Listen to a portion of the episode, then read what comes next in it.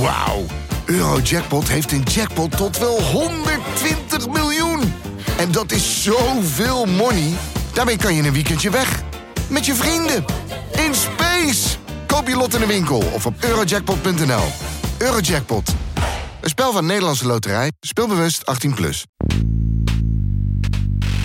L'objectif de cette présidence qui s'étendra du 1er janvier au 30 juin, je dirais que nous devons passer d'une Europe de coopération à l'intérieur de nos frontières à une Europe puissante dans le monde, pleinement souveraine, libre de ses choix et maître de son destin.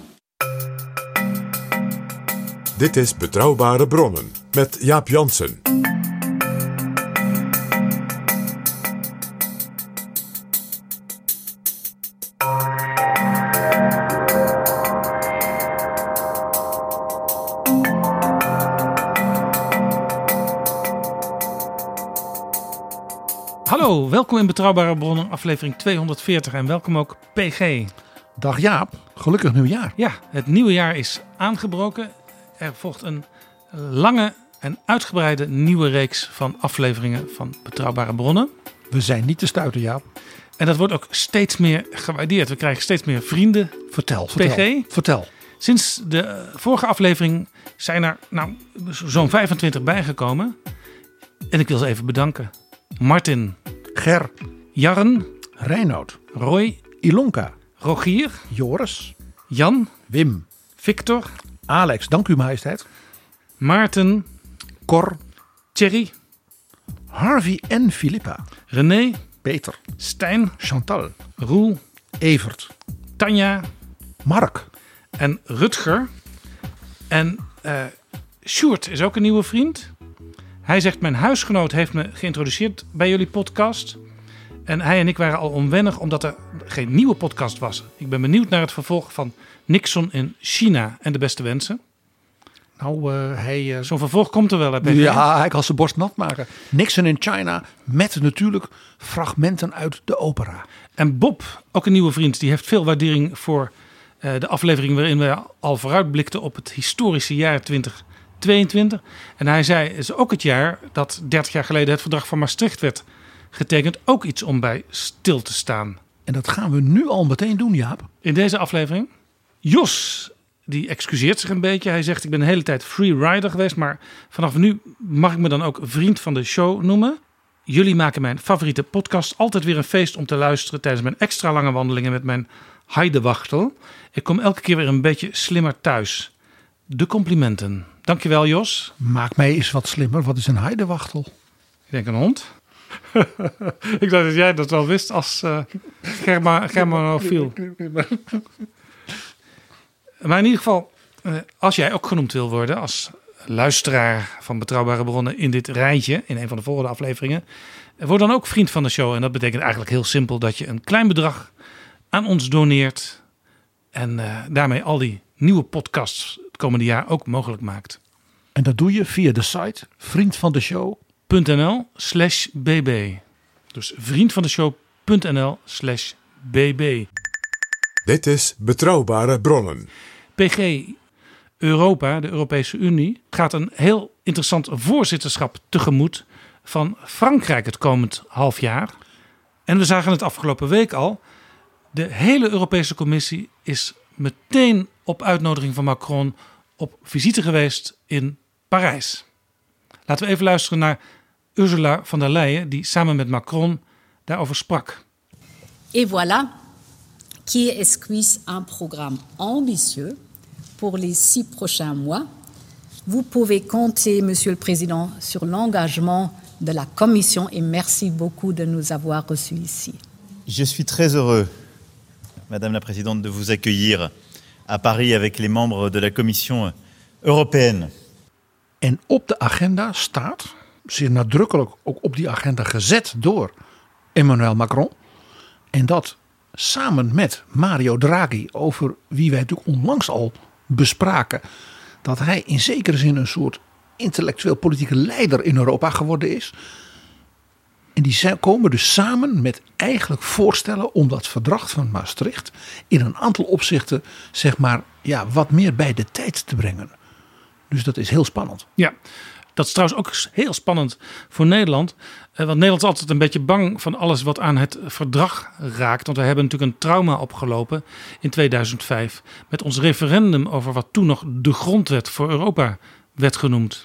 En Nederland heeft natuurlijk heel erg gehecht vanaf 92, Maastricht, aan de afspraken die toen zijn gemaakt als zeg maar onderpinning van de waardevastheid van de euro.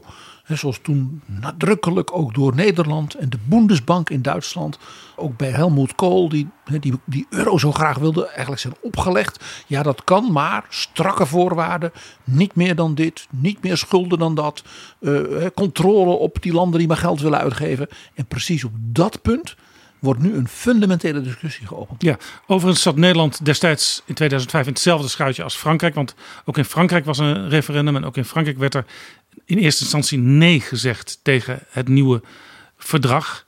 Het referendum in Nederland was volstrekt overbodig. Want de Fransen hadden al eerder, een maand eerder, gezegd: wij willen dat verdrag niet. Dus dat, dat referendum in Nederland had men gewoon kunnen afblazen. Ja, maar je kunt ook zeggen, als je het hebt over uh, nationale soevereiniteit bij dit soort uh, beslissingen, dan is het wel van belang dat elk land ook volmondig ja zegt tegen zo'n verdrag. Of andersom. Als je denkt in nationale soevereiniteit, als één land, zoals Frankrijk, zegt nee, dan gaat het niet door. Overigens uh, heeft Nederland in het nieuwe coalitieakkoord ook staan dat er op sommige punten minder nationale soevereiniteit moet komen in Europa. En Nederland wil op een aantal punten intensiever gaan samenwerken, zonder dat een land het steeds kan dwarsbomen. Ja, er staan in dat coalitieakkoord een aantal heel opmerkelijke dingen. En ik wilde ook eigenlijk, Jaap, dus de plannen van Frankrijk, die dus ook nog de steun hebben van Mario Draghi. We zullen zien dat ook Duitsland een belangrijke rol daarbij speelt. Ook eens leggen tegen zeg maar, wat er nu in de grondverf staat voor het nieuwe Nederlandse kabinet.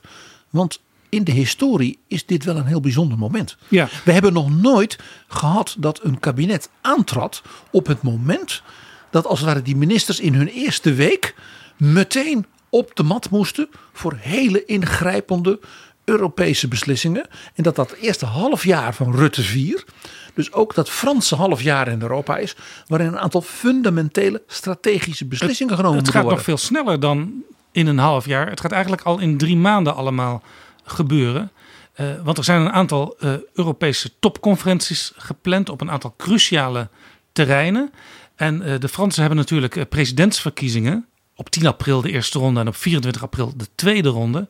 En zeg maar de bulk van alle initiatieven van het Franse voorzitterschap. Dat zal allemaal plaatsvinden voordat de maand april aanbreekt. Want dan wordt echt alles in Frankrijk in het kader van die verkiezingen gedaan. Sterker het is, nog, het is dan ook zo dat als Macron zich op televisie bijvoorbeeld uitspreekt over uh, Frans-Europese zaken, dan wordt dat afgetrokken van zijn zendtijd. In die zin dat andere kandidaten die moeten dan evenveel zendtijd daarvoor terugkrijgen. Dus wil Macron heel veel over Europa zeggen, dan moet hij dat allemaal voor 1 april doen. En als je kijkt naar het schema dat de Fransen naar buiten hebben gebracht, dan zie je dat dus in de activiteiten van het voorzitterschap en vooral de voorzitter, dus de president zelf, de maand april helemaal wit is. En dat er voor mei en juni twee, zeg maar, meer op de lange termijn gerichte uh, conferenties nu al zijn ingepland. Ja. Dat betekent dus voor de Nederlandse regering en het kabinet wat nu aantreedt, en ook dus die nieuwe ministers, dat ze al bij wijze van in februari, maart ik zou bijna zeggen, moeten scoren. Moeten zorgen dat ze de punten die voor hen van belang zijn in Europa op tafel krijgen. En er als het ware bij de collega's, ministers en daarmee ook richting de commissie en het parlement erdoor krijgen. Want anders kunnen ze voor de rest van deze kabinetsperiode op een aantal punten al gezien zijn. Ja, overigens, uh, het, het, voorzitterschap uh, moeten we natuurlijk altijd even heel kort vermelden. Dat is het uh, voorzitterschap van alle ministeriële activiteiten in Europa. Met uitzondering van die van Buitenlandse Zaken, want die hebben een eigen leider in Europa. Uh, dat is uh, Josep Borrell. En ook met uitzondering van de premiers en de presidenten. Want die hebben natuurlijk op hun Europese top ook een eigen voorzitter. maar het is wel zo dat als je alle stukken van het Franse voorzitterschap leest, dan lijkt het eigenlijk wel of Macron zich daar niet zoveel van aantrekt van dat verschil. De Franse president is en blijft een gekozen monarch. Ja, ik heb het vaker gezegd.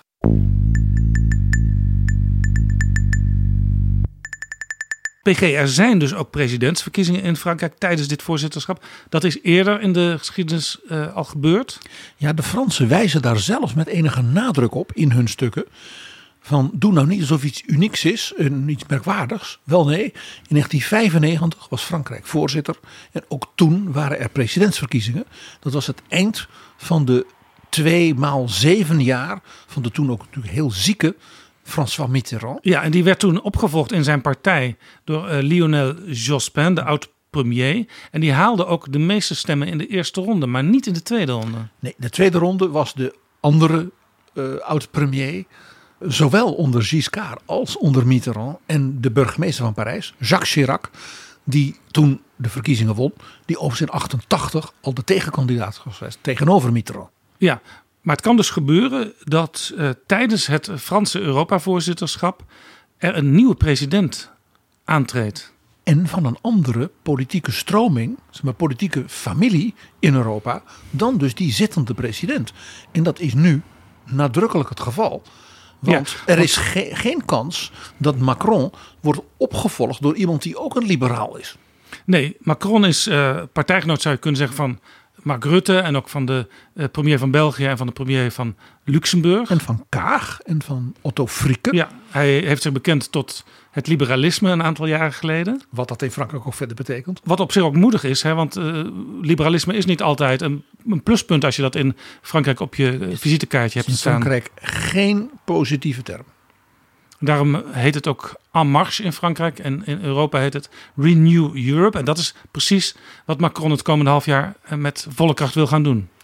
Maar de kans is dus aanwezig dat bij die tweede ronde Macron verliest. Dat is eerder voorgekomen bij de verkiezingen in Frankrijk voor de president. Ja, in Frankrijk. En dat dan de kandidaat of iemand is van uiterst rechts nou, de peilingen wijzen erop dat die kandidaten, dat zijn zowel mevrouw Le Pen als meneer Zemmour, geen schijn van kans maken. Maar als. Dat komt ook omdat ze uh, kiezers bij elkaar weghappen. Precies. Zou mevrouw Le Pen of meneer Zemmour dus de tweede ronde halen? Wat Macron het liefst zou willen, want dan maakt het makkelijkst voor hem om die tweede ronde te winnen. Dan wint hij met gemak om die, die kiezers zeg maar, van het fatsoenlijke midden in Frankrijk uh, maar in zeer beperkte mate uh, zich verleid zullen voelen om op hen te stemmen. Er zullen misschien wat meer mensen thuis blijven, ook aan de linkerkant. Maar we weten uit de peilingen, en ook, ook, ook vijf jaar geleden, dat de, het grote deel van de Fransen, net als toen in 2002, toen Chirac tegenover vader Le Pen stond, hun devoir républicain, zoals ze dat noemen, hun republikeinse plicht doen. En dan gaan stemmen, ook op als ze die zittende president dat was toen Chirac. En nu Macron eigenlijk maar niks vinden. Maar zoals dat heet, dan stemden ze met hun vingers in hun neus. En als mevrouw Pécresse van gematigd rechts uh, de eerste ronde als tweede eindigt. Dan, dan wordt het een bloedstollende tweede ronde. Ja, want als Valérie Pécresse, dat is zeg maar een partijgenoot van de CDU. Van Sarkozy. Uh, van Sarkozy. Dus ook van Chirac. Uh, van het CDA in Nederland en dergelijke. En als mevrouw Pécresse de kandidaat zou zijn die de tweede ronde haalt. En in de peilingen stijgt zij gestaag. En ook regelmatig nu duidelijk boven Le Pen en Zemmour. Die elkaar een beetje opvreten als het ware. Dan zal Macron zijn best moeten doen. Want zij kan natuurlijk en de kiezers van het behoudende midden. Ook dus zeg maar dat weer conservatief katholieke kiezers. Als natuurlijk de vrouwelijke kiezers uh, aanspreken. En heeft natuurlijk door de organisatie van hoe in Frankrijk de partijen zitten, met haar partij, La Républicain, een heel krachtig zeg maar, apparaat buiten de steden, dus op het platteland. Ja. Dus daar kunnen zij, de La France profonde zoals dat heet, de mensen mobiliseren. Mocht zij aan de macht komen halverwege het, het voorzitterschap, of eigenlijk in, op twee derde van het voorzitterschap, betekent dat dan nog iets voor de invulling van dat voorzitterschap? Inhoudelijk? Ik ga een hele gewaagde voorspelling doen. Nauwelijks iets. Want zij is toch, toch iemand uit de ja, gaullistische school. Maar, maar zij zal dan toch ook wel die, die meer extreme kiezers ook nog enigszins moeten tegemoetkomen. Maar dat gaat ze niet doen in het voorzitterschap in die, zeg maar, die laatste anderhalve maand. Zij laat zich dan natuurlijk overal ontvangen en met veel eer. En zij zal zeg maar, de dingen die Macron voor Frankrijk binnenhaalt. Als het ware voor zichzelf vervolgens uh, ja, uh, inkapselen. Want zo doe je dat natuurlijk politiek. En ze zal een aantal punten nog als het ware wat voorzichtig agenderen. Maar verder vooral uh, daarna bezig zijn. Zij zal in die eerste maanden vooral bezig zijn met de binnenlandse politiek. En toch kun je misschien zeggen dat, want jij, jij uh, noemt haar Gaullist en Charles de Gaulle was natuurlijk ook altijd met Europa bezig. Zeker. Maar dat dit voorzitterschap, de inkleuring daarvan, uh, misschien wel het meest Europa integrerende voorzitterschap van Frankrijk wat we ooit gezien hebben zal zijn. En toch Jaap, ik zal laten zien dat het door en door gaullistisch is. En dat in dat opzicht dus ook mevrouw Prekes het bijna als een, als een, als een maatkostuum, als ze zou winnen eind april, kan aantrekken. Mag ik nog één factor noemen die we niet kunnen voorspellen, maar waarvan we eigenlijk weten dat dat ook dit half jaar weer uh, zal uh, uh, ja, zijn stempel opdrukken. En dat is natuurlijk wat er gebeurt bij het duo Poetin-Lukashenko. Want we hebben natuurlijk de voorbije maanden gezien dat de activiteiten van Lukashenko aan zijn westgrens niet heeft geleid tot wat Poetin en hij waarschijnlijk wilden, namelijk de EU uit elkaar jagen. Maar de EU ook met kritische landen als Polen en Hongarije gecementeerd heeft.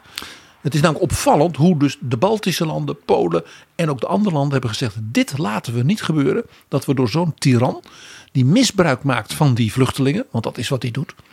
Het is zo onmenselijk dat je dus mensen die ja, van huis en haard moeten vluchten in allerlei verschrikkelijke dingen. Ja. De wereld van narigheid is dat je die misbruikt. Ja, de president van Belarus heeft dus gezegd tegen vluchtelingen: kom maar naar ons, want dan kun je makkelijk Europa binnenkomen, want wij zetten het hek open. We jagen je de grens over. Europa heeft daar letterlijk paal en perk aan gesteld. Ja, en het interessante is dat men dus Europa, wat de bedoeling was in Minsk en uh, in het Kremlin, uit, niet uit elkaar gejaagd heeft. Maar eerder is gezegd: dit laten we niet gebeuren. Dat ook merkbaar is in het Frans voorzitterschap. Want Macron komt met een aantal zeer krachtige uitspraken aan het begin over versterking van Frontex, versterking van het beschermen van de buitengrens van Europa. En versterking van de Europese defensiesamenwerking. Daarom. Daar komt ook een top over. Precies. Waar minister Kajsa Olongeren ook meteen als een van haar eerste grote dingen naartoe kan. Daar zal ze zich flink op moeten voorbereiden, ja. En wat je dus ziet is dat die acties van, ik zal maar zeggen, Lukashenko en Poetin, dus averechts hebben gewerkt.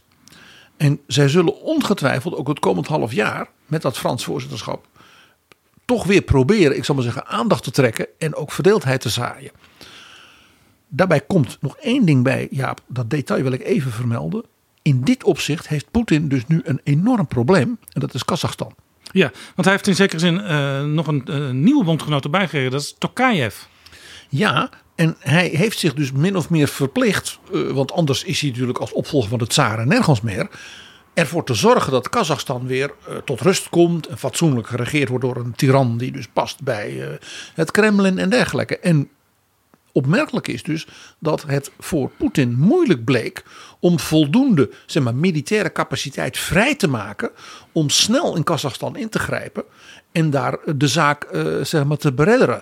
Dat laat dus zien dat anders dan het beeld hier vaak in Europa. Dat Poetin een soort almachtige wereldheerser is. Uh, ja, op het niveau van zeg maar, Joe Biden of Xi Jinping. Dat is hij dus niet.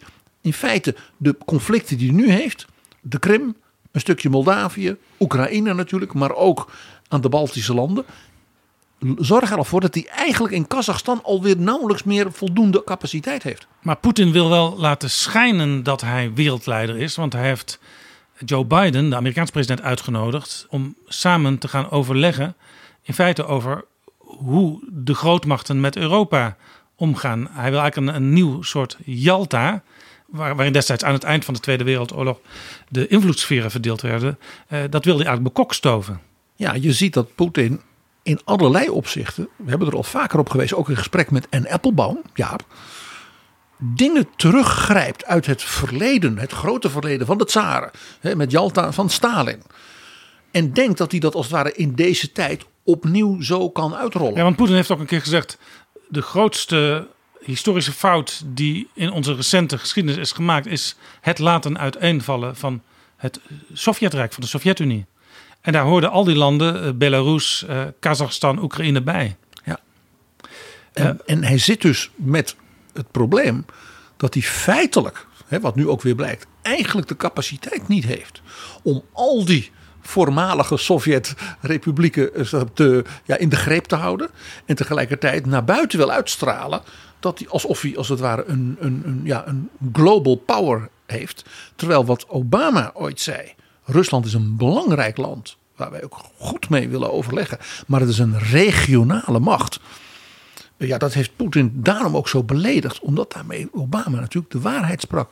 Maar dit, handelen van Poetin gooit wel uh, een soort roet in het eten van uh, de nieuwe Duitse regering, van het Franse voorzitterschap, van het nieuwe Nederlandse kabinet. Want we moeten ons ook ineens weer heel scherp uh, tegenover Rusland verhouden. Dus dat punt, Jaap, zal ook dit half jaar als een soort joker in the pack met enige regelmaat weer opdoemen. Waarbij dus het goed is om te beseffen dat mensen als Lukashenko en Poetin dat eerder doen uit angst voor Europa en voor de andere machten dan vanuit het feit dat ze zelf zo geweldig sterk zijn. Overigens, als je kijkt, en dan, dan even tot slot, als we het over Rusland hebben. Poetin die vraagt eigenlijk alleen maar dingen. Hè? Die eist eigenlijk alleen maar dingen van, van Biden. Hij stelt er niks tegenover. En, en Appelbaum, waar jij net al aan refereerde, die heeft gezegd: ja, wij, wij kunnen zelf ook wel degelijk uh, dingen van Poetin eisen. Ik, uh, ik heb er zomaar een stuk of tien. En dingen om te ruilen. Die hebben geen hiërarchische volgorde, zegt ze op Twitter. Uh, een eind aan de oorlog in Oost-Oekraïne. Terugtrekken uit Georgië. Stop de moord op mensen in Berlijn, Londen en waar dan ook laat Navalny vrij. Stop met het richten van uh, korte afstand nucleaire uh, raketten vanuit Kaliningrad op Europa. Uh, trek je terug uit Moldavië. laat Memorial weer gewoon functioneren in plaats van dat het verboden is. geef de Krim terug. Ja. Stop alle betalingen en deals met extreemrechtse politici in Europa en de Verenigde Staten. En stop met al die cyberattacks op Europa en de rest van de wereld. Dat is de complete agenda voor uh, Biden. Ja, en voor de nieuwe Nederlandse regering, voor het Franse voorzitterschap en voor de Duitse regering. Minister Ollongren zal in haar overdrachtsdossier van Henk Kamp, uh, zeg maar, voorbereid al natuurlijk onder Anke Bijleveld, ook wel het een en ander hebben meegekregen over bijvoorbeeld hoe de Russen een cyberaanval hebben geprobeerd op de OPCW in Den Haag. Ja, en dit is ook uh, werk aan de winkel voor uh, Wopke Hoekstra, die dan misschien op het Europese toneel niet meteen heel veel te doen heeft, maar wel als het gaat over de verhouding met Rusland en Amerika. Deze week in Nederland een nieuw kabinet. Dat valt precies samen met die nieuwe Duitse regering en met dat Franse voorzitterschap. Ja, en dat is echt uh, iets, iets, iets heel bijzonders. Want dat zet dus die ministers, en ook ministers van en voor en zelfs een aantal staatssecretarissen, meteen fors zeg maar, in hun agenda onder druk. Want ze moeten een heleboel gaan doen in Europa. En dus ook als het ware al helemaal verinnerlijkt hebben hoe zij vanuit Nederland, namens Nederland, in Europa gaan opereren. Overigens, uh, dat, dat Nederlandse kabinet met dus heel veel bewindslieden, dat lijkt een klein beetje op het Franse kabinet, de Franse regering. Want daar heb je ook per uh, ministerie meerdere ministers en enkele staatssecretarissen. Ja, de Fransen hebben natuurlijk prachtige piramides, zoals ze dat natuurlijk al, al eeuwen uh, hebben in hun bewind. Mag ik wijzen op een ander Nederlands kabinet, dat wij uit de geschiedenis kennen, dat in een vergelijkbare positie kwam meteen bij zijn aantreden. En dat was het kabinet Lubbers 3. Dus het kabinet van Ruud Lubbers met Wim Kok als vicepremier op financiën dat was ook een, een, een, lastig aantreden, want dat was ook op het moment dat de Berlijnse muur viel. Dat, het kabinet trad aan, op, ik zal maar zeggen, op 7 november. Zoiets, 6, 7, 8 november. 9 november viel de muur. En dat was dus een historische gebeurtenis die niet als zodanig uh, ja, in het regeerakkoord verwerkt was. Nee, en dus dat vanaf dat moment, als het ware er een compleet nieuw Europa beleid moest ontstaan. Dat men opnieuw moet nadenken, wat gaan wij doen met Duitsland, met de Oost-Europese landen waar natuurlijk in die maanden daarna al die regimes omvielen. Dat maakte dus dat voor die nieuwe ministers ook enorm uitdagend. En daarin lijkt het een beetje op uh, wat er nu gebeurd is. Zij het natuurlijk dat het kabinet Lubbers-Kok in zijn regeerakkoord niet had staan. Uh, wij zullen de ondergang van de DDR vanuit Nederland op die en die, en die manieren uh, begeleiden. Dus dat kabinet had het probleem dat de veranderingen zo snel gingen en Europees zo diepgaand. Natuurlijk ook nog weer met de NATO, met de verhouding met Gorbachev en de Sovjet-Unie speelde allemaal ook een rol toen. Dat ze eigenlijk dat regeerakkoord na een maand of twee hadden moeten herschrijven. Dat hebben ze toen niet gedaan. En daar heeft het kabinet eigenlijk al die vier jaar vooral last van gehad. Ja, en dat is een punt misschien ook voor dit kabinet. Het zou dus best eens kunnen dat men tegen het eind van dit Franse voorzitterschap, gelet op een aantal belangrijke strategische stappen die men wil doen, dat men bijvoorbeeld in mei bij die nadere invulling van de hoofdlijnen van het regeerakkoord ook op dit punt zegt: wij gaan de Europa-paragraaf van het regeerakkoord herschrijven ja, want, en toespitsen. Want de, de Europa-paragraaf en ook onze internationale verhoudingen, uh, dat staat een beetje rommelig uh, in het laatste deel van het coalitieakkoord opgeschreven. Heeft natuurlijk ook wel mee te maken dat de, de deelnemende partijen het historisch vaak ook niet helemaal van begin af aan eens zijn geweest over hoe wij eh, in de wereld staan, hoe wij in Europa moeten opereren. En de Fransen die willen daar juist nu een aantal dingen echt gaan invullen.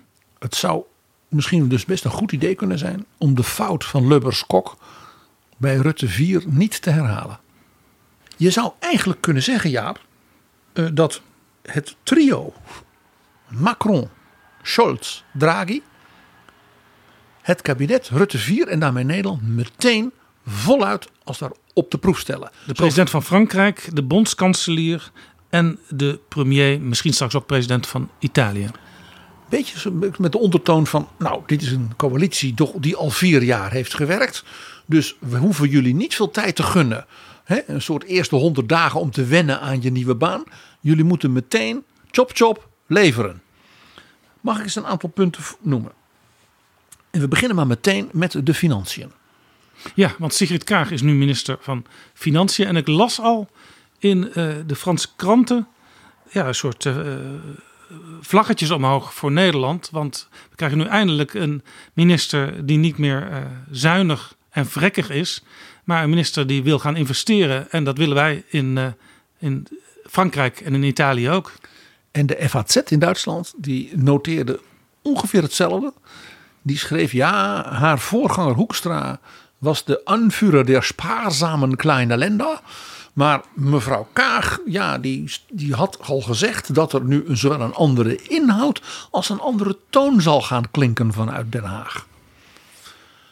Nou, ga er maar vanuit dat dus in die eerste drie maanden, dus tot 1 april, eh, vanuit Macron, vanuit het Franse voorzitterschap, een défi, zoals de Fransen dat zo mooi noemen, een uitdaging zal komen aan mevrouw Kaag, leveren.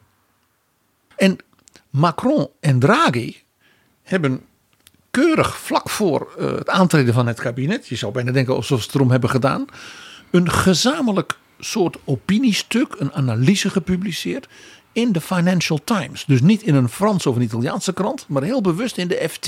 Ja. Wetend dat die in Brussel en eigenlijk in heel Europa bij de zeg maar, politiek-economische elite wordt gespeld. Ja, dat is interessant, want de FT is natuurlijk een, een, een Britse krant. Uh, maar het is wel zo'n beetje de huiskrant van de Europese elite. En daarmee dus ook van de Anglo-Saxische, dus die twee uh, zeg maar, uh, zuidelijke leiders, Macron en Draghi, hebben zich bewust op dat podium gezet.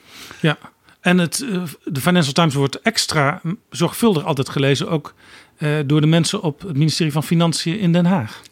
Zal ik een paar korte passages van de twee heren. Ja, dat we even weten uh, hoe zij naar dit halfjaar kijken. We zullen de hervormingen moeten uitdiepen. Hier hoor je Draghi, hè?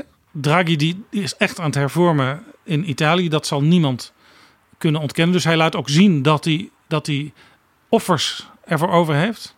En hij zegt wat wij in Italië doen, zal dus heel Europa moeten doen. Want dit is een verhaal van die twee naar heel Europa. We zullen de hervormingen moeten uitdiepen en doen vergezellen van transformaties door grote schalige investeringen in R&D, de infrastructuren, digitale ontwikkelingen en defensie. We hebben een Europese groeistrategie nodig voor het komende decennium. En wij moeten bereid zijn daarvoor een manier van gezamenlijke, dus Europese investeringen in te zetten. Met meer aan deze tijd aangepaste regels en een krachtiger coördinatie daarbij. En dat niet alleen maar doen als het een crisisperiode is. PG, ik hoor hier drie dingen.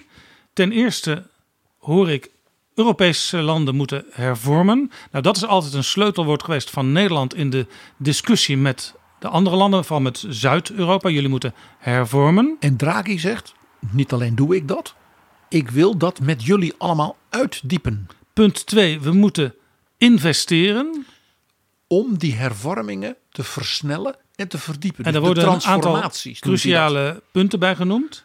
Nou, dat is eigenlijk ook precies wat het nieuwe Nederlandse kabinet doet. En dat is ook een groot verschil eh, met bijvoorbeeld, als we even een klein beetje teruggaan in de geschiedenis, met Rutte 2, het kabinet van VVD en Partij van de Arbeid, waar juist heel erg de, de hand op de knip werd gehouden.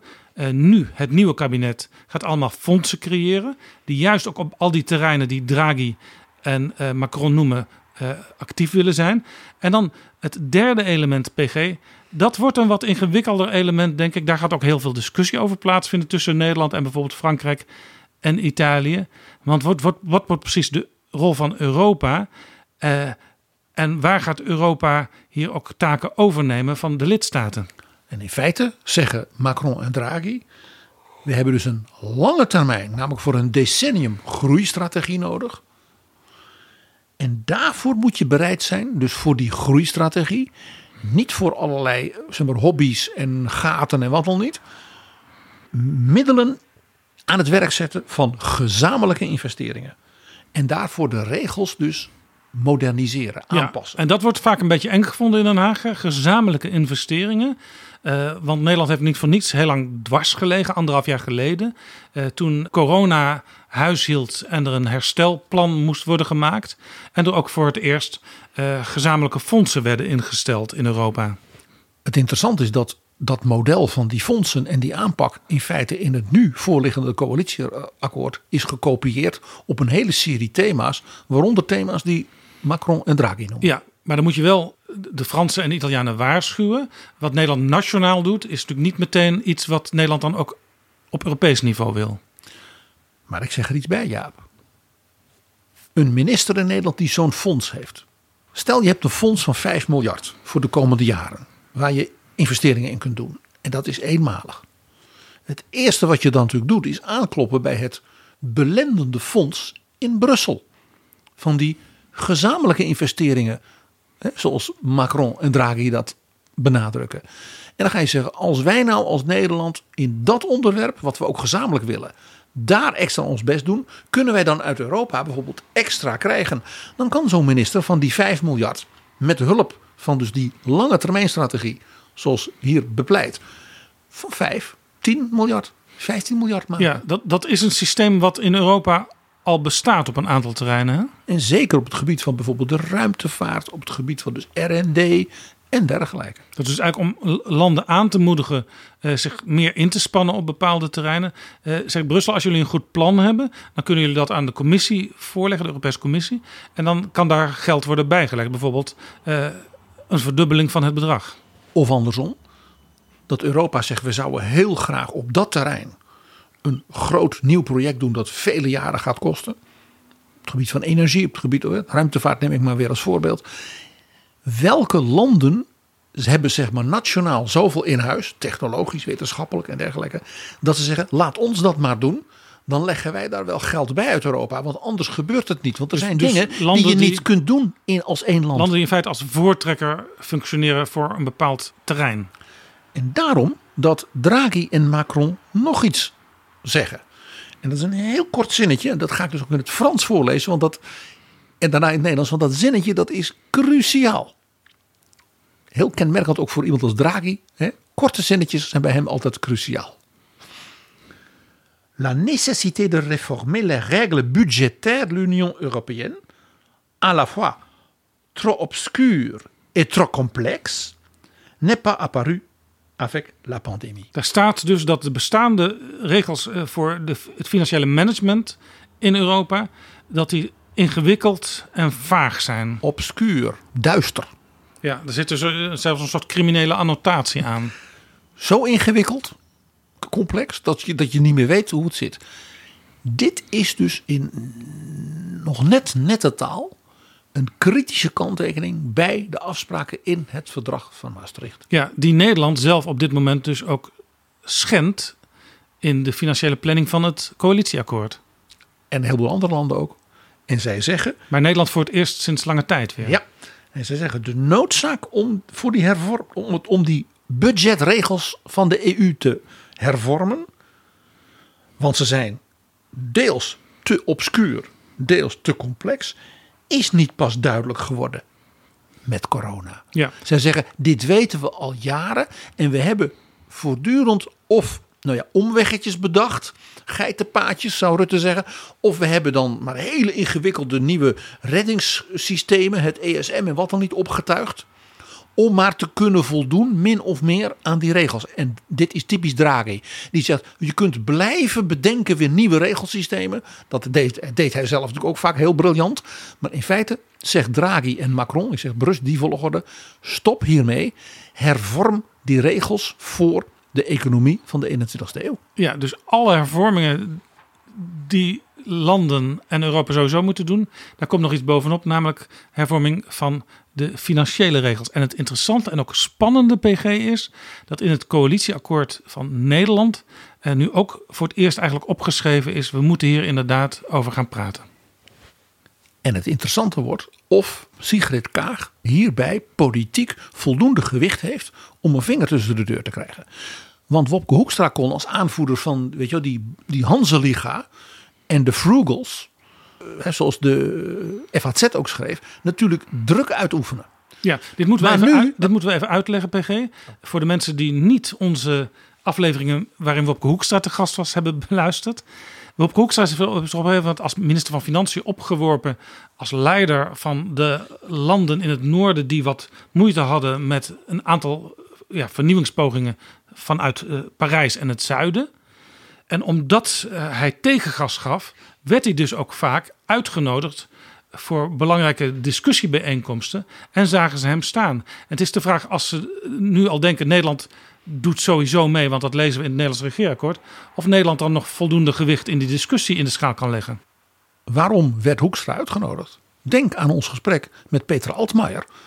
Die zei als minister van Financiën van Duitsland, wat hij een tijd was, ging ik altijd met Wopke nog om de tafel zitten. Want dan wist ik hoe die landjes, die samen net zo groot waren economisch als Frankrijk, hoe die dachten. En dan kon ik daar rekening mee houden. Als het nu zo is dat Macron en Draghi en Olaf Scholz, want die zit op dezelfde lijn als Draghi op dit punt, het met z'n drieën eens zijn, ja, dan hebben ze Sigrid Kaag helemaal niet nodig. Nee, nou was het ook al zo dat zelfs onder Wopke Hoekstra, Wopke en de Zeven Dwergen waren al uiteengevallen. Eh, uiteindelijk waren er nog de Frugal Four en zelfs die waren eh, op het eind niet meer bij elkaar. Dus daar, daar zag je dat al beginnen. Dus het was eigenlijk al, dat, dat idee was al een aflopende zaak. Eh, Dus Kaag moet ook nu de Nederlandse houding opnieuw invullen, zou je kunnen zeggen. Ja, en zij loopt dus het gevaar dat als ze al te eh, bevestigend is, oh ja, dat willen wij ook, dat een machtsdier als Macron en een sociaaldemocraat als Scholz en Draghi dan zeggen, oh nou fijn mevrouw Kaag, u vindt dat ook genoteerd. Zij moet dus eigenlijk, eh, en dat kan ze heel goed, want dat heeft ze in het verleden be- bewezen, haar pokerface opzetten de komende tijd als het gaat over deze discussie. En er komt nog iets bij. Als dus die Maastrichtse afspraken, ja, trop obscuur et trop complex. Onthoud die formulering van de twee heren. Ter discussie komen te staan. Waarbij dan de, ook zeg maar, de intellectuele power van Draghi, hè, met zijn gezag op dit terrein, daarachter staat.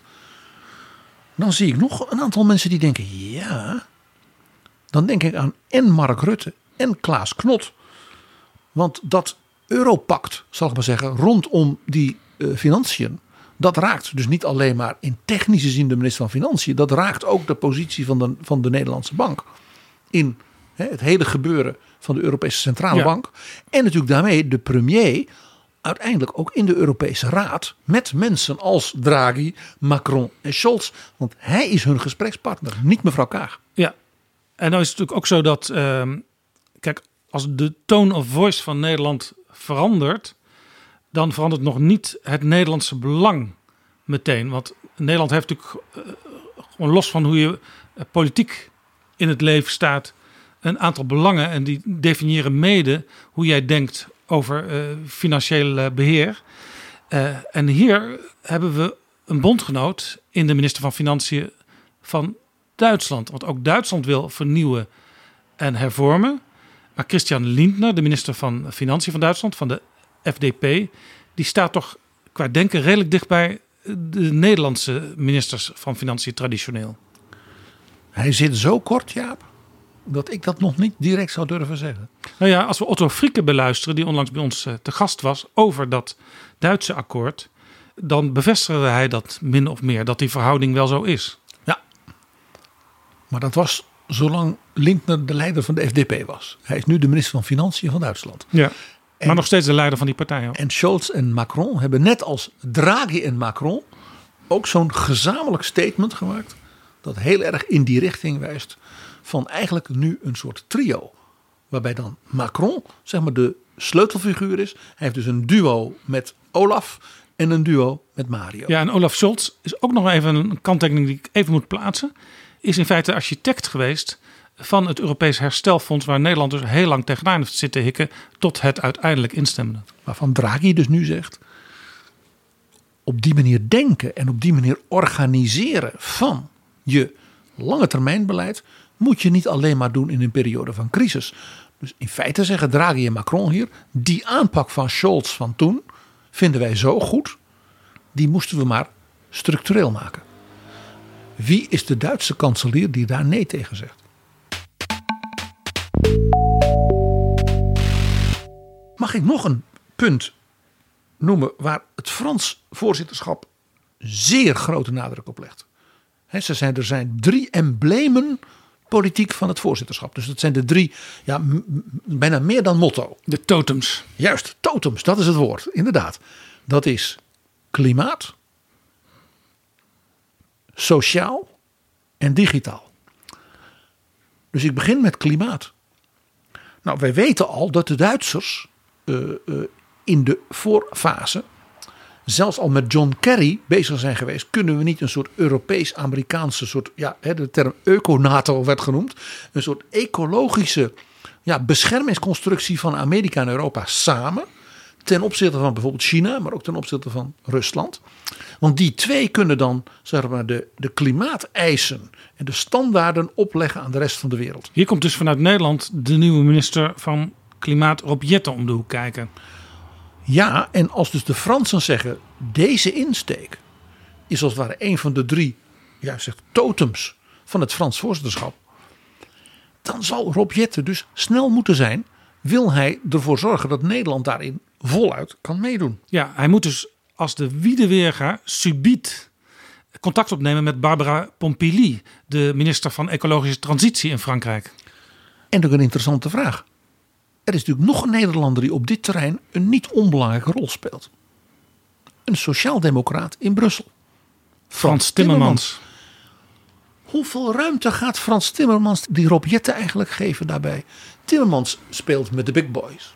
Hè, zijn staatsman. Vicepresident van de commissie. Dat zag je ook op de klimaattop in Glasgow. Hij liep met de andere hoofdrolspelers voortdurend in conclaaf door die gangen. En hij bedacht een serie van de compromissen. Wat men hooglijk heeft gewaardeerd. Dus hij heeft daar eh, in Glasgow als het ware ook weten te scoren. Op het niveau van de wereldleiders. Dus ook dat is een ding. Ja, dus heel dingetje van, van, van hoeveel ruimte krijgt hij als Rob Jetten, als Nederlandse minister van die Nederlandse topper. Ja, nou, en het interessante is overigens dat eh, in het Nederlandse coalitieakkoord staat dat Nederland eigenlijk eh, graag naar eh 60% CO2-uitstootreductie wil. Terwijl het plan van Frans Timmermans heet natuurlijk Fit for 55. Dus Nederland gaat er eigenlijk op papier overheen. Al moeten we dat ook wel weer met een korreltje zout nemen. Want als je de voorlopige berekeningen ziet van wat Nederland kan realiseren, dan is 60 het maximum. Maar het, het zit eerder een eindje onder die 55. Dus wat gaat Timmermans doen? Die gaat tegen Rob Jetten zeggen van... Nou, onze nieuwe collega uit Nederland. Nou, die eh, jongen, jongen, jongen, indrukwekkend. Laat eens zien. En tot dat moment hou je je maar even koest. Want Ja. wij zijn al bezig. En eh, wij zijn blij dat Nederland straks aan de rest van Europa wil tonen hoe je van die 55 naar 60 gaat. Nog een puntje op dit punt. En dat raakt Macron, maar ook Timmermans in zijn verhouding tot in feite Rob Jetten tot Nederland. Er zijn twee thema's in die Green Deal en zeer nadrukkelijk ook in de aanpak die Macron nu voor klimaat op tafel legt. Die voor Rob nou dat is zo'n meloen om het maar even zo te zeggen. Dat is het stimuleren van kernenergie en het op een uitermate nuchtere manier inzetten van biomassa als transitie op weg naar helemaal CO2-neutraal groene economie. Dat zijn alle twee natuurlijk onderwerpen die in Nederland, ook in dat coalitieakkoord, eh, laten we zeggen, ja, men heeft daar wat ingewikkelde formuleringen voor gevonden. Nou, volgens de leiders van de Nederlandse coalitie zijn er geen meloenen meer. Hè. Dat hebben ze aan Sven Kokkelman verteld toen hij met een grote meloen op de proppen kwam. Nou, ik zie dus een meloen, ook zo'n rond ding van zo'n kerncentrale, hè, dat dak.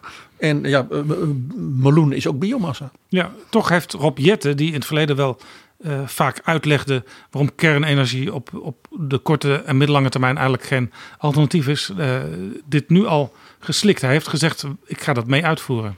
Ja, dus ook dat zal vanuit Macron, vanuit Frankrijk, dus bij het eerste bezoek wat hij doet, hè, als de nieuwe minister rondom het klimaat.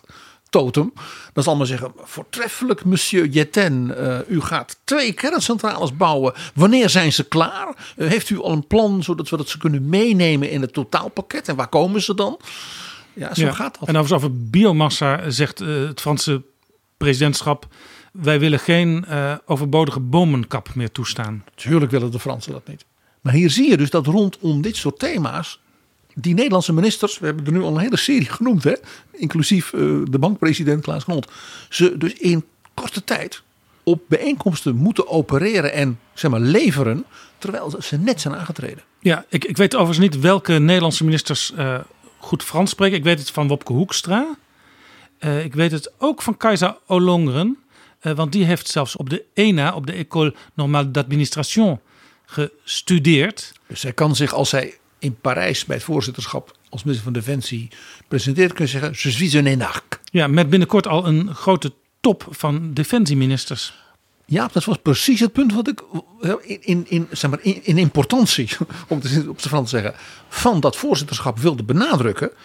Macron heeft gezegd: ik wil in het Frans voorzitterschap en dus voor 1 april een grote, zeg maar lange termijn strategische summit, zouden wij zeggen, van de hele Europese top. En ik denk dat daar dus en defensieministers en ook wel de topmilitairen, misschien ook zelfs wel regeringsleiders bij zullen zijn. Rondom de manier waarop de Europese landen gezamenlijk een soort defensiealliantie kunnen ontwikkelen. Niet ter vervanging van de NATO, maar om dus die Europese pijler nu echt in te vullen. En daar heeft Macron iets heel bijzonders bij gezegd. Hij zegt dat is dus niet alleen maar iets rondom klassiek defensiematerieel en afspraken en hebben we gezamenlijke eh, eh, schepen en wat dan niet. Nee, hij zegt ik wil daarbij en het Europees ruimtevaartbeleid en het Europees cyberdefensie en de ontwikkeling van dus de cybercapaciteit van Europa integreren in die summit. Nou, op het gebied van de ruimtevaart eh, is Europa natuurlijk een hele belangrijke speler in de wereld.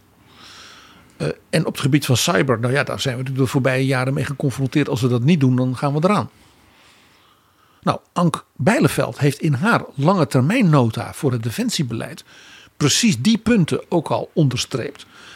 En uh, ja, mevrouw Ollongren zal dus met een samenhangend verhaal moeten komen. Ja. Inclusief met financiën. Ja, en daar heeft Ollongren in ieder geval een, een pluspunt. Uh, want er is flink uh, veel extra geld voor uh, defensie gevoteerd in het coalitieakkoord. Zelfs zoveel dat ik deze week Pieter Omtzigt hoorde zeggen... dat krijgen ze helemaal niet op in de komende regeerperiode. let op wat er in dat coalitieakkoord staat. Als je heel goed gaat krabbelen aan de cijfertjes. Bijna de helft van dat extra geld is voor het zeg maar, repareren van gaten uit het verleden. Dus in zekere zin is dat niet eens nieuw geld. Dat is om dingen die men eigenlijk al had moeten doen, toch nog maar wat te repareren Ja. en bij te Ja, plussen. distancieert je dus eigenlijk van wat Omtzigt hier zegt. Want A, het is nodig voor reparaties. En B, eh, voor nieuw beleid heb je ook geld nodig. En dat staat nu juist ook in de plannen van Frankrijk. En als, als dus op die defensietop wordt gezegd, nou, we gaan dus een veel meer integrale benadering, inclusief ruimtevaart, inclusief cyber. Ja, dan betekent dat ook dat landen als het ware hun investeringen en dus ook wat Macron natuurlijk wil, zie het stuk met Draghi waarin ze defensie noemen, gezamenlijke investeringen en gezamenlijke projecten. Dan zal Nederland dus ook gewoon ja, een boter bij de vis moeten geven. Want anders zegt men, nou dank u wel mevrouw Ollongren voor uw mooie woorden, maar eh, ja, geld eh, en, concrete activiteiten komen er niet. Ja, en ze hebben natuurlijk in Parijs al lang, eh, want daar hebben ze alle tijd voor gehad, dat visiestuk van eh Ank Bijleveld in het Frans vertaald. Inclusief de financiële paragraaf daarvan.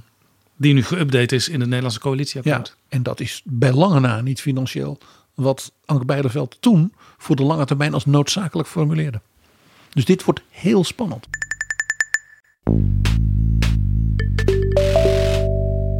Dit is Betrouwbare Bronnen. Een podcast met betrouwbare bronnen.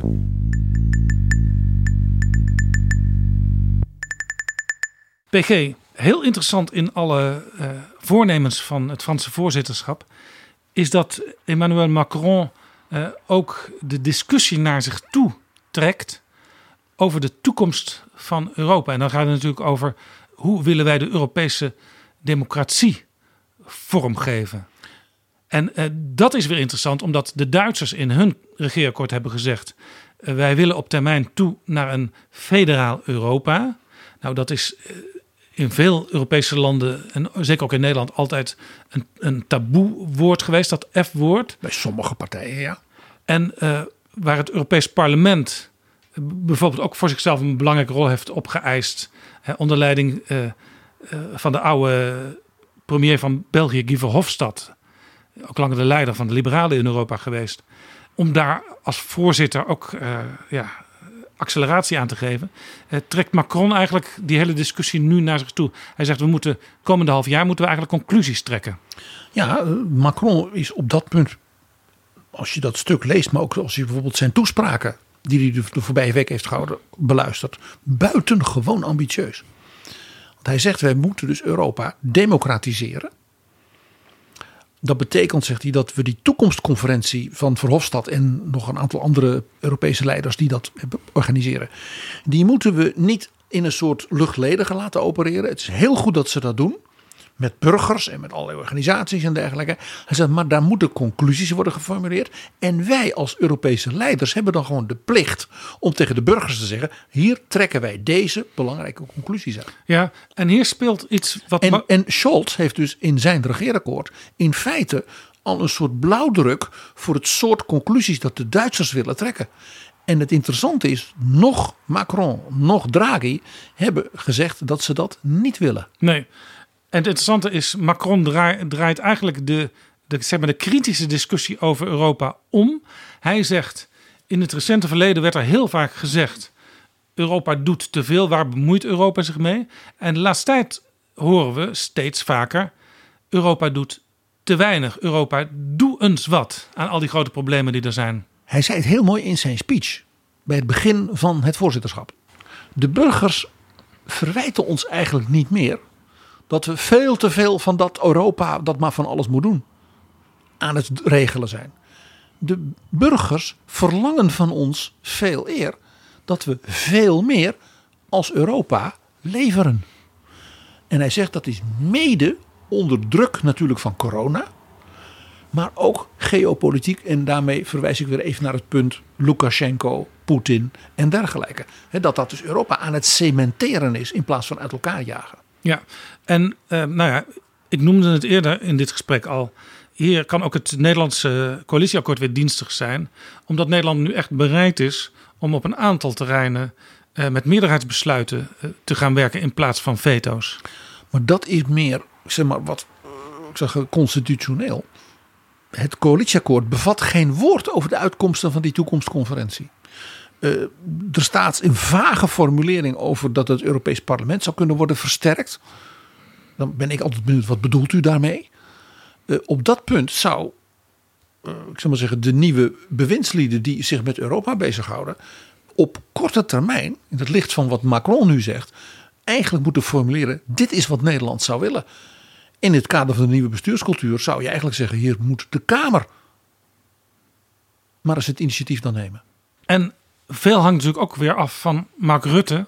Uh, want dat is de enige die niet van positie is veranderd in het nieuwe kabinet. En die zit dus ook opnieuw in de Europese Raad. En hij moet juist op deze cruciale punten uiteindelijk de conclusies trekken, mede namens Nederland.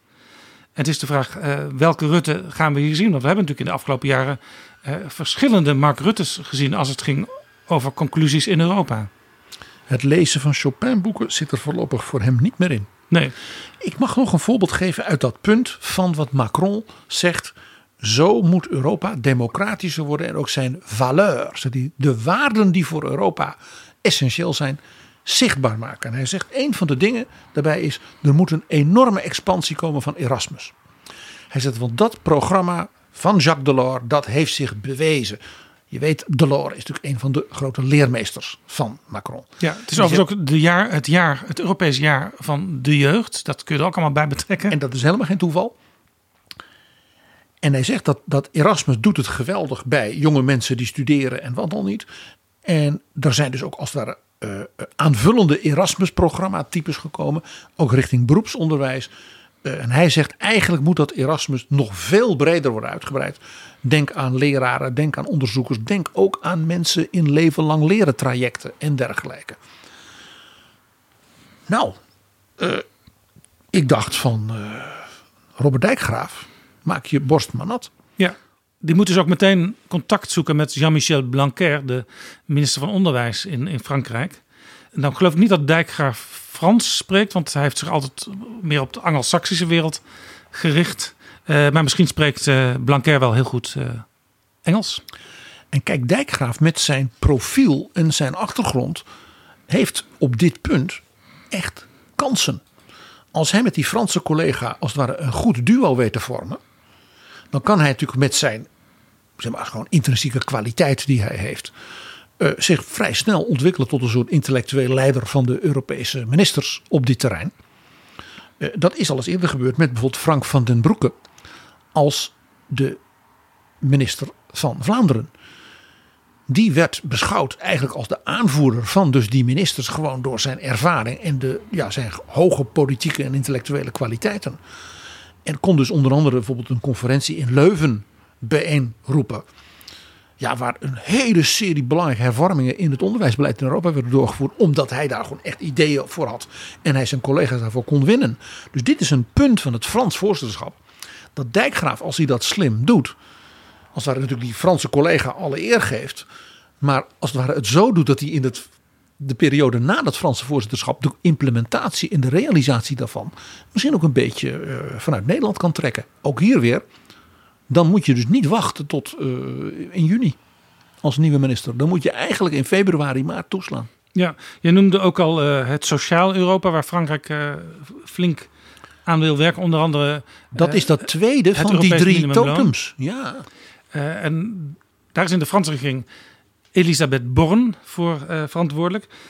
daar moet Karin van Gennep dus snel mee gaan praten. Ja, en Nederland behoorde tot nu toe op het punt van dat sociaal Europa en met name ook dat Europese minimumloon afspraken maken over op dat soort terreinen tot de zeer afhoudende. Toen de, het Portugees voorzitterschap van premier Costa daar een speciale top over belegde, uh, is Mark Rutte zelfs niet gegaan. Ja, nou uh, heb ik Mark Rutte ook wel eens horen zeggen dat Europese minimumloon is voor Nederland niet zo relevant, want daar zitten wij boven. Maar dat, dat, dat is nou precies het punt. Het feit dat je dan zegt, nou dat is iets voor arme landen, daar hebben wij niks mee te maken, is dus precies het signaal dat je aan andere landen geeft van eigenlijk interesseert ons niet wat jullie bezighoudt. Ja, terwijl je ook dat is niet Europees denken. Nee, je kunt ook als Nederland denken, oké, wij hebben een minimumloon, wij gaan dat zelfs verhogen. Misschien kunnen wij andere landen wel uh, raad geven over hoe je dat moet organiseren. En er zijn misschien wel andere sociale standaarden in bijvoorbeeld Scandinavische landen als het gaat om leven lang leren, waar Nederland wel van zou kunnen leren. En dat punt waar we het alles over hadden in Betrouwbare Bronnen, Jaap, dat Nederland een soort voorbeeld is op vernieuwing van het beroepsonderwijs, zou je in dat sociale Europa ook flink op de agenda kunnen zetten. Dus op dit punt, ook hier weer, Nederland heeft hier kansen, eh, maar zal dus een actieve houding moeten nemen. En ook hier geldt dus weer, Karin van Gennep moet echt heel snel. En bijvoorbeeld bij dat beroepsonderwijs nadrukkelijk met Robert Dijkgraaf, die dat in zijn portefeuille heeft, samen flink aan de slag. PG, je ziet bij al deze prioriteiten en ook bij het idee eh, dat Europa zich als, als democratie eh, ja, opnieuw moet uitvinden eigenlijk. En ook moet bewijzen? Eh, leveren zoals in, in, Draghi in dat zekere zin een, een, een herleving van de Europese gedachte. Dat zie je ook als je het Duitse regeerakkoord leest. En in zekere zin ook als je ziet hoe Nederland nu over Europa praat. En wie sleutelrollen gaan vervullen namens Nederland in Europa. En daarom dus ook dat Macron dat onmiddellijk opgepakt heeft, meteen met Scholz, na de eerste eurotop dat ze samen waren. En nu ook dus in zijn grote documenten en de speeches bij de start. Heel erg benadrukt, les valeurs européens, Europese waarden. Ja, hebben we natuurlijk nog wel wat akkefietjes eh, de komende tijd. Eh, de Britten zijn uit Europa, maar die liggen steeds dwars over de uitvoering van eh, Brexit. Die willen eigenlijk heronderhandelen op een aantal punten. En we hebben natuurlijk binnen de Unie Hongarije en Polen die eh, niet braaf in de pas lopen, zou je kunnen zeggen. En ten aanzien van beide aspecten, zij het heel verschillend, is dat accent van Macron dus heel bewust. Eerst even Brexit. Macron onderstreept, we hebben als Europese volkeren en landen nu zoveel opgebouwd, hè, dat de burgers van ons nu niet meer zeggen, wat doet u toch te veel? Nee, u doet te weinig. U, u moet meer leveren. En dat heeft te maken met dat we dus een aantal fundamentele waarden, zoals hij dat noemt, van samenwerken, van democratie, van vrijheid, eh, ook cultureel natuurlijk Fransen dat zeer benadrukken, die delen wij en dat willen we uitdiepen. En daarmee zegt hij dus in feite, en kijk nou eens naar die Britten, die wilden dat allemaal niet, ze zijn eruit gegaan. Nou, dat is een succes. Dus dat is ook een beetje een soort spiegel naar die Britten van kijk eens wat jullie allemaal verspelen, wat jullie kwijtraken. Want het idee dat je na Brexit in de rest van de wereld groot applaus krijgt. En dat al die andere landen in de wereld heel graag met de Britten willen samenwerken en hen allemaal voordelen gaan geven. Dat blijkt dus een volstrekte flop. Ja, want de Britten eh, die doen het economisch, eh, ook los van corona, gewoon slecht op het moment. En eh, in de regeringspartij van premier Boris Johnson zijn ze de kluts kwijt. En door deze nadruk, hè, vanuit een heel hoog soort principieel gehalte, ook veel Frans, heel literair bijna, les valeurs, laat Macron dus voortdurend die spiegel zien. Kijk wat daar gebeurt. Er is natuurlijk nog iets, Jaap. Macron kent natuurlijk ook de cijfers. Elk onderzoek wat je doet onder de bevolking in Polen en helemaal de bevolking in Polen zijn er onder de 35. Idem dito in Hongarije. 90, 95 procent van de mensen daar zegt: wij willen in Europa meedoen. Wij willen meedoen. Wat er in Europa gebeurt vinden we belangrijk. Die investeringen in onze universiteiten, in onze bedrijven en de verbeteringen in ons land vinden we belangrijk. Je ziet dus ook zelfs de Poolse regering, als het puntje bepaaldje komt, zwichten ze. Ja, in En van, Hongarije. en van, en van Orbán weten we dat. Denk aan ons gesprek met Judith Varga. Hij gaat te ver, maar nooit te ver te ver. In Hongarije zijn ook verkiezingen in april, parlementsverkiezingen. En in Polen is een soort Pools Watergate uitgebroken. Blijkt dat de huidige Poolse regering, die dus dwars ligt in Europa, eh, bij de vorige verkiezingen alle tegenstanders heeft zitten afluisteren. En zich vanuit Europa natuurlijk iemand heeft gepresenteerd in Polen, Donald Tusk, als het alternatief voor de huidige regering. En je kunt van Donald Tusk een hoop zeggen, maar dat is een oer-Europeaan. Ja, Donald Tusk, de vorige eh, voorzitter van de eh, Europese regeringsleiders eh, toppen. En daarna de voorzitter van de Europese Christendemocraten. Dus dat is ook in dat opzicht dus een klassieke Europeaan. Ja. Wat je ziet is dat Macron, door dus de nadruk te leggen op dat meer filosofische begrip valeur, in feite dus Polen en Hongarije, de, de mensen daar, ook civil society uitdaagt, blijf meedoen. En die regeringen dus op een hele, mag ik zeggen, chique manier onder druk zet. Ja, en, en de landen die, die, die eh, de Europese samenwerking willen intensiveren, die worden in zekere zin op dit moment ook geholpen door allerlei rechtelijke uitspraken, eh, met name in Polen. eh, van ja, wat hier gebeurt, eh, die wetten die worden aangenomen, die maatregelen die worden genomen, eh, dat is in strijd met regels die we in Europa als waardegemeenschap hebben afgesproken. En door dus de, de nadruk zo te formuleren, houdt eh, eh, Macron als het ware die landen onder druk. Wetend natuurlijk, waar we het eerder over hadden, dat wat Lukashenko en Poetin doet, juist die landen in de klem zet. Dus ze hebben dan Europa weer extra nodig. Ja, interessant ook. Dus PG. dit is tactisch vooral. Je moet dus dat prachtige filosofische begrip valeur, ja, dat is natuurlijk heel mooi. En ook, maar onthoud, daar zit dus een flink stuk tactiek in bij Macron. Dit is Betrouwbare Bronnen. PG, eigenlijk zijn we in Europa tot de conclusie gekomen dat we op elkaar zijn aangewezen. Ook als je breder kijkt hoe Europa in de wereld staat. Angela Merkel heeft het ooit in die Beierse biertent toegezegd. Na dat overleg met Trump. Wij zullen als Europeanen moeten beseffen dat we het zelf moeten doen. Een ander gaat het niet voor ons doen. Als we het als Europeanen niet zelf doen, dan gaan we er dus met elkaar aan. Dat besef van Merkel, dat was in 2017. Macron was net gekozen als president, kwam toen ook met zijn reden in de Sorbonne over en hoe gaan we dat dan doen. En nu in dit voorzitterschap zie je eigenlijk dat die insteek vol naar voren komt. Zowel in dat duo Macron-Scholz als dat duo Macron-Draghi. En daar is het sleutelbegrip strategische autonomie. Ja, dat is heel interessant, want Europa wil dus ook eh, door schade en schande wijs geworden de afgelopen jaren. Niet meer afhankelijk zijn van bijvoorbeeld China, eh, maar ook niet van de Verenigde Staten. En ook niet van, van, van, van andere En landen in de wereld. En het gas van Poetin. Een van de belangrijke argumenten voor de Green Deal is dat Europa daarmee natuurlijk de komende nou, 25, 30 jaar zich onafhankelijk wil maken van dat soort energierelaties. Ja, we willen graag eh, met alle goedwillenden samenwerken, maar we willen er niet ultimo afhankelijk van zijn. En dus zegt eh, Macron hè, met Draghi ook weer: we zullen dus die investeringen die we gezamenlijk moeten gaan organiseren op een modernere manier dan in Maastricht nog mogelijk was, richten op dingen als digitalisering, klimaat, defensie en R&D.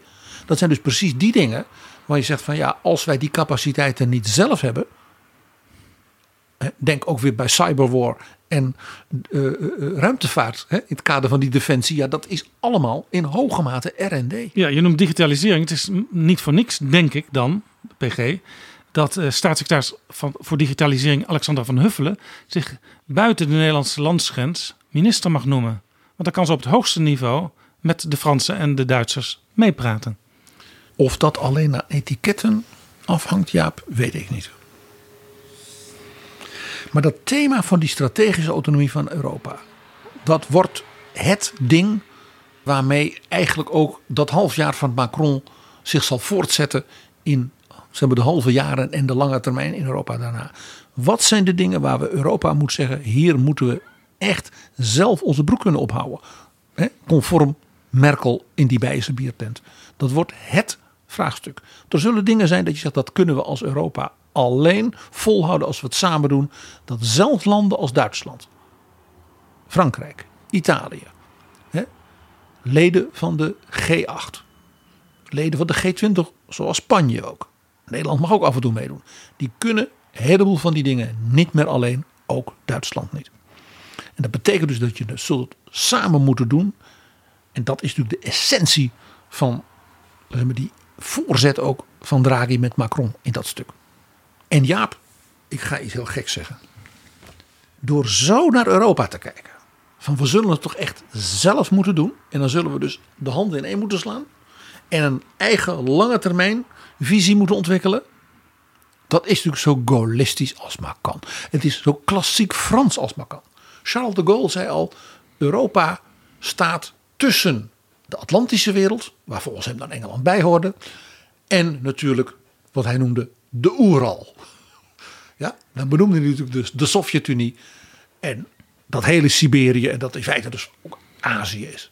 En nu zeggen we dan, dat geldt ook natuurlijk China als een belangrijke partij. Ja, maar in de tijd van de Gaulle eh, waren er wel een paar dingen eh, die heel anders waren dan nu. Uh, want bijvoorbeeld vanuit Nederland uh, bekeken werd er toch altijd over die Fransen gezegd van ja, die willen vooral de Franse grandeur via Europa doen uitstralen. Uh, en die Fransen die willen eigenlijk ook niet actief zijn in de, in de NAVO. Er is op een gegeven moment ook een, een lege stoel ontstaan in de NAVO. Frankrijk deed niet meer mee op politiek niveau.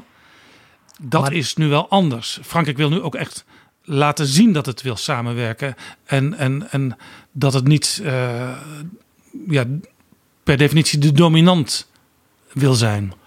Nou ja, het is toch echt heel gaullistisch. Want Macron, de hele manier waarop hij zich presenteert nu met dat voorzitterschap. dat is echt niet alleen maar omdat hij denkt dat is goed voor mijn peilingen bij de verkiezingen. Het is heel klassiek Frans.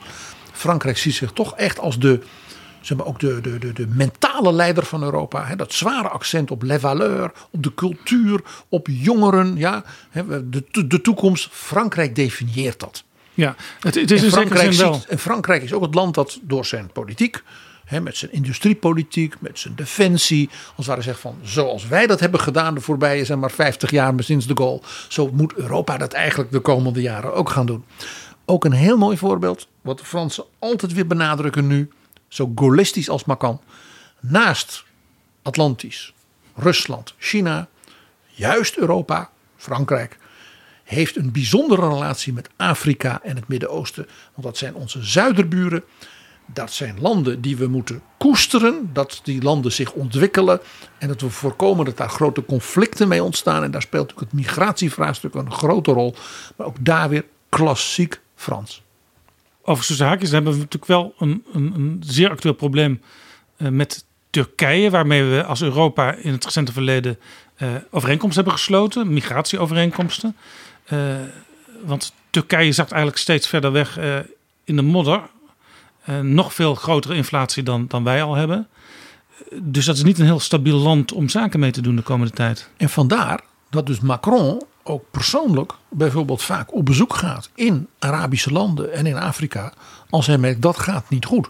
Dus dat is een veel, wij zouden zeggen, proactievere houding dan wij ten opzichte van Turkije hebben gehouden. Dat soort ik zou maar zeggen, deals als met Turkije, toen gesloten overigens door Mark Rutte en Angela Merkel, is precies wat Macron wil. Ze hebben ook geprobeerd te, vanuit Frankrijk met Libië, met Marokko, met landen in de Sahel. Macron is na die enorme ontploffing die ongeveer heel Beirut uh, plat gooide, wat leidde tot volledige instorting ook van de regering van Libanon, is persoonlijk naar Beirut gegaan. Nou is Libanon ook een soort Franse kolonie geweest. Maar er is een hele warme, een sterke band tussen Libanon en Frankrijk. Maar Macron zei Libanon is door zijn ligging hè, met Syrië, met, met Israël, een, een soort plek hè, waar grote gevaren zouden kunnen, kunnen komen. Dus moet Frankrijk, Europa daar actief, zichtbaar actief zijn. Dat is wel heel klassiek gaullistisch. Wat ik toch altijd weer mooi vind. Dat dat soort historische lange lijnen ook nu weer duidelijk merkbaar worden op een eigen tijdse manier. Overigens, PG Macron is ook heel uh, consistent als het gaat over strategische autonomie. Hij noemt dat trouwens zelf Europese soevereiniteit. Jazeker. Want dat was al het grote onderwerp van zijn eerste grote reden over Frankrijk in Europa in 2017, kort na zijn aantreden aan de Sorbonne Universiteit. Ja, het, het, stuk van de Franse uh, regering voor het Europees voorzitterschap begint ook met bijna zoiets van: doe nou niet alsof u dit niet wist, want dit stond allemaal in, onze, in de visionaire speech van onze president in de Sorbonne. En al die onderwerpen komen nu gewoon met verdubbelde kracht terug. Ja, het, het, Franse voorzitterschap heeft ook als uh, vlag relance, puissance, appartenance. En dat zou je kunnen vertalen als herstel uit de crisissen waar we uitkomen. Kracht ja, het bundelen dus hè, van, van al die dingen die we doen, maar dat moet veel nadrukkelijker. En saamhorigheid. We moeten het samen doen. Je hoort hier en Draghi en Merkel. En Jaap, die Macron, jij zegt het al net, die is zo consistent. Wat mij is opgevallen in dat coalitieakkoord is dat ik twee documenten op dit terrein helemaal niet tegenkom. En het eerste document is het document dat Mark Rutte op het Elysée met Emmanuel Macron heeft geformuleerd als een soort gezamenlijk visiestuk van Nederland en Frankrijk op dat punt van die souvereinité européenne. Strategische autonomie. Dat is gebeurd terwijl Rutte demissionair premier was. Op zichzelf al interessant om dat te noteren. Daar wordt op geen enkele manier naar verwezen in dat coalitieakkoord. Nog gekker. Mark Rutte heeft eenzelfde document over hoe zien wij de toekomst van Europa. Hè, waarin gaan we investeren. Met de jonge leider van, ik zal maar zeggen, de Club Met gedaan. Pedro Sanchez. De socialistische premier van Spanje. Dus er ligt een Rutte-Macron document en een Rutte-Sanchez document. En elementen van met name dat Sanchez document, dat is een wat breder, algemener stuk, herken ik wel in de tekst op een aantal punten van het coalitieakkoord. Dus ik weet niet of uh, Kaag en Hoekstra en Segers zich dat bewust zijn, maar een co-auteur van hun akkoord is de Spaanse socialist Pedro Sanchez. En het is opmerkelijk dus dat in die stukken verder er geen enkele verwijzing naar deze twee fundamentele stukken van de toenmalige premier en nu weer premier te vinden zijn. Maar in ieder geval, PG, zie je maar weer dat in Europa alles met alles samenhangt. Het wordt dus een spannend half jaar, dat Franse voorzitterschap, met verkiezingen in Frankrijk en met een heleboel discussie, ook in Nederland, over hoe gaan wij dat allemaal invullen. Al die grote veranderingen die in Europa moeten plaatsvinden. En hoe zien wij zelf de toekomst van Europa? We zullen dat ook zelf, net als wat Merkel zei, we zullen het zelf moeten doen. Ja, ik heb nog een paar van die heerlijke finesses uit die Franse stukken al bladerend en lezend genoteerd. Mag het even? Eventjes. Even, ja. Ten eerste, het Verenigd Koninkrijk en de relaties met het Verenigd Koninkrijk en het afronden van Brexit wordt in het Franse stuk inderdaad aangestipt. En dat is in een paragraafje over uh, internationale relaties. En dat paragraafje gaat over uh, lopende besprekingen met derde landen. En die landen zijn Andorra, Monaco, San Marino en Boris Johnson. Het zal je maar gezegd worden. Je kunt natuurlijk Brexit en de Brexiteers en wat al niet, natuurlijk niet duidelijker op hun nummer zetten en beledigen dan het zo te doen. Ja, overigens nog een kleine belediging. Toen het grote, uh, uh, bijna 80 pagina's stellende Franse voorzitterschapsplan werd gepubliceerd op 1 januari. Toen duurde het nog een paar dagen voordat de Engelse vertaling ook op de website van het Franse voorzitterschap verscheen. Maar ja, de tekst was in het Frans ook zo mooi. Uh, ja, nog, ik heb nog drie leuke dingetjes uit zeg maar, de culturele kant van dat Franse voorzitterschap. Typische Franse initiatieven waarvan ik tegelijkertijd denk, we als Nederland daar nou vooral op een leuke manier aan meedoen. Minder, uh, ik zal maar zeggen, dat zurige, uh, afhoudende, meer spiritualiteit, ook in het Europese debat. Ze stellen bijvoorbeeld voor om 27 schrijvers uit Europa met elkaar door Europa te laten trekken in dat half jaar. En portretten te schrijven van wat ze zien in Europa. Wat zien wij? Met wie praten wij? Wat, wat vertelt ons dat? Gewoon een soort ja, literair stukje identiteit van Europa. Ik dacht, dat moet iets voor Arnold Grunberg zijn. En er is ook een plan om allerlei denkers bij elkaar te roepen om nieuwe symbolen voor Europa te bedenken. Dat, dat, dat lijkt me nogal een, een, een ingewikkelde klus. Nou, wat er ook nog is, Jaap, een, een expositie over Europa. En dat is Europe en bande dessinée. Dus Europa in stripvorm. Ja. Ik moest meteen denken dat Charles de Gaulle zei dat hij maar één rivaal zal hebben in de herinnering van de mensen. En dat is Tintin. Ja, ik kan me voorstellen dat hij, dat hij ook niet Gust Vlater heeft genoemd hier. Hij wist niet eens wie dat was, Jaap. En het laatste, dat vind ik zo prachtig. Zo prachtig. Het is het initiatief Café Europa 2022. Geïnspireerd door de schrijver George Steiner. Die namelijk geboren was in Neuilly in 1929. En Jota George Steiner was, dat is geen echte Franse naam. Het was een Oostenrijkse Jood.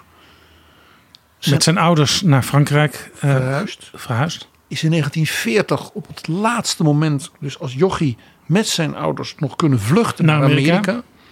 Hij heeft, is dus als intellectueel in Amerika groot geworden. Daarna ook vooral in Engeland. Is ook eh, in Cambridge begraven in Engeland, aan de universiteit. En die zei, het café, natuurlijk ook het Wiener Kaffeehaus hè, van, zijn, van zijn familie van vroeger. Dat is het brandpunt van de Europese cultuur. Daar komen de mensen bij elkaar, daar discussiëren dichters, daar zijn studenten verliefd, daar zijn kunstenaars. Daar komt Europa bij elkaar en geniet men een beetje van elkaar. En is er ook wel eens een debat. En daar leeft Europa. En Macron zegt, wij moeten dus een Café Europa 2022 initiatief bedenken om het caféleven in Europa weer schwung te geven. PG, zullen wij dan tot slot van deze aflevering geheel in die cafégedachte op het nieuwe jaar dan ook maar een glaasje champagne laten klinken? Bien sûr, mon ami. Dankjewel, PG.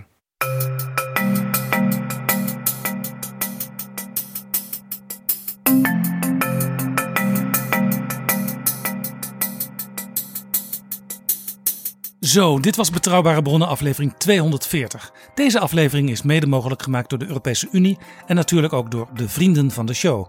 Wil jij ook vriend worden? Dat kan via vriendvandeshow.nl slash bb.